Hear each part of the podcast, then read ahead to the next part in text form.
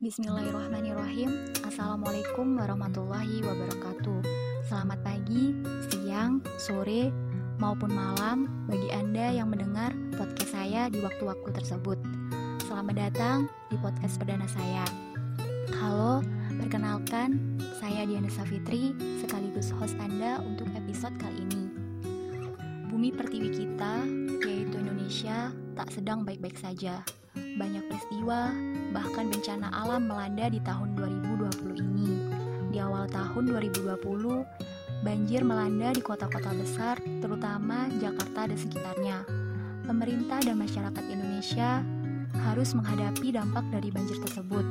Tidak berhenti di situ, Indonesia lagi-lagi harus menghadapi wabah penyakit yang begitu cepat penyebarannya, bahkan beresiko menyebabkan kematian wabah penyakit itu adalah virus corona atau COVID-19. Pandemi corona tidak hanya terjadi di Indonesia, namun tengah terjadi di hampir seluruh dunia. Tak bisa dipungkiri, pandemi ini memberikan banyak perubahan pada kehidupan. Dampak pada segi kesehatan masyarakat terlihat begitu jelas. Selain itu, dampak pada sisi ekonomi juga terasa terutama bagi pekerja lapangan. Meskipun begitu, bukan berarti kondisi ini bisa membuat kita jadi patah semangat. Menyerah dengan keadaan justru bukan menjadi pilihan yang terbaik.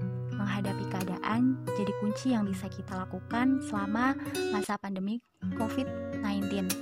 Menghadapi COVID-19 bukan berarti melawan dengan menggunakan senjata, imunitas dan pikiran yang sehat bisa jadi tameng terbaik untuk mengurangi penyebaran virus corona. Berbicara tentang imunitas, orang Indonesia memiliki cara unik, yaitu mereka percaya bahwa dengan meminum jamu atau ramuan herbal dapat meningkatkan daya tahan tubuh dalam menghadapi corona. Bahkan, Presiden Indonesia, yakni Bapak Presiden Jokowi, mengeklaim bahwa dengan jamu tradisional dapat menangkal virus corona. Nah, di konten podcast perdana ini, saya akan mengangkat episode mengenai jamu atau obat herbal bisa jadi obat penangkal bahkan menyembuhkan virus corona atau COVID-19, fakta atau hoax. Nah, Sejak wabah COVID-19 menyerang, segala produk dengan klaim pencegahan dan penyembuhan mendadak laris manis di pasaran. Tak terkecuali ragam rempah Nusantara seperti jahe, kunyit, dan temulawak, mereka dipercaya bisa meningkatkan transmisi virus corona. Bahkan, media-media asing menyoroti klaim Presiden Indonesia Bapak Joko Widodo bahwa Minum jamu menjadi cara untuk menangkal infeksi virus corona jenis baru ini. Klaim pemimpin Indonesia ini dianggap telah memperkuat spekulasi bahwa ramuan herbal dapat melawan COVID-19. Bapak Presiden Jokowi dalam sebuah pernyataan yang diposting di situs web pemerintah mengaku minum jamu campuran jahe merah, serai, kunyit, dan temulawak hingga tiga kali sehari sejak virus corona jenis baru ini menyebar di seluruh dunia.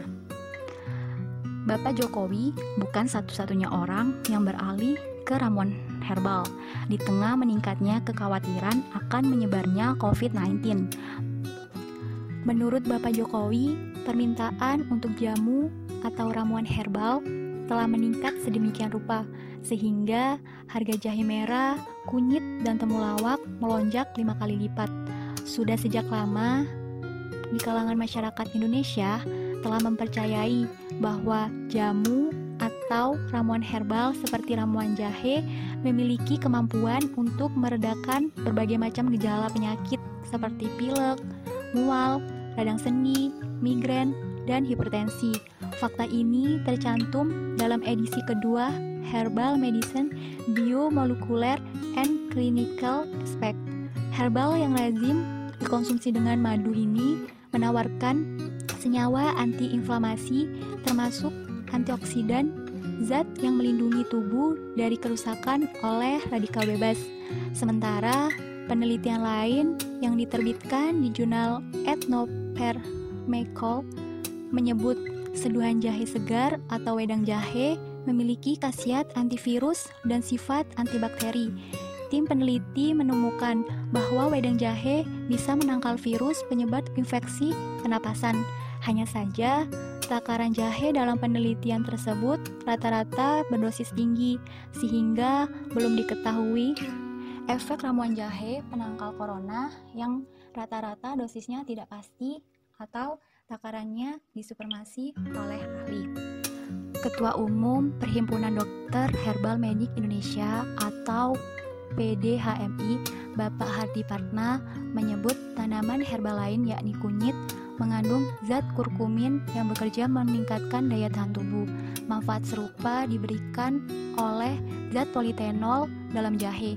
Kunyit juga memiliki zat anti kataral yang dapat memperbanyak produksi lendir. Khasiatnya juga sama, yakni hanya membantu meningkatkan daya tahan tubuh, bukan membunuh virus maupun bakteri. Karena sejauh ini Solusi yang tepat untuk memutus rantai penyebaran COVID-19 adalah mencuci tangan.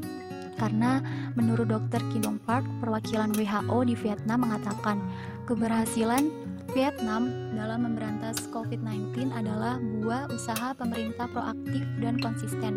Dua pekan setelah kasus COVID-19 pertama kali diumumkan, Kementerian Kesehatan Vietnam langsung melarang sekitar 10.000 penduduk Son Loi keluar rumah selama 20 hari. Mereka juga meliburkan sekolah, menghentikan impor, dan melarang mengkonsumsi hewan liar.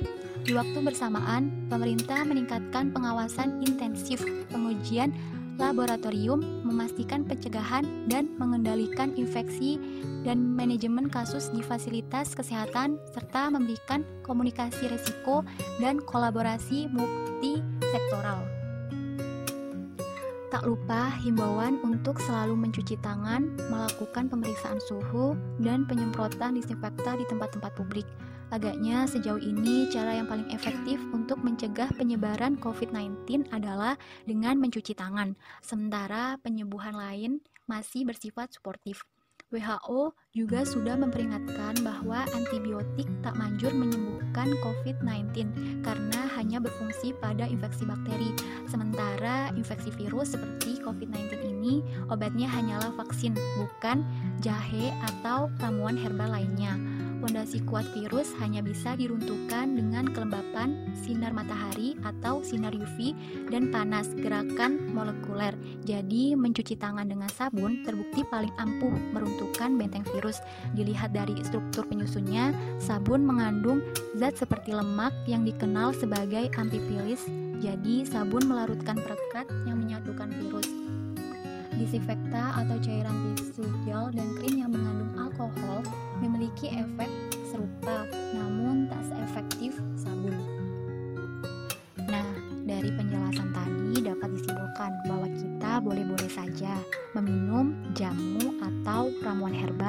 sejenisnya. Yang salah adalah menganggap semua sebagai obat COVID-19 Padahal kita punya cara yang lebih praktis, yakni cukup dengan mencuci tangan menggunakan sabun, menjaga kebersihan, serta berdiam diri di rumah. Nah, mungkin ini podcast dari saya. Semoga bermanfaat. Selalu stay healthy, stay positif, dan stay at home. Kurang lebihnya saya mohon maaf. Saya akhiri. Wassalamualaikum warahmatullahi wabarakatuh. Sampai jumpa di episode berikutnya.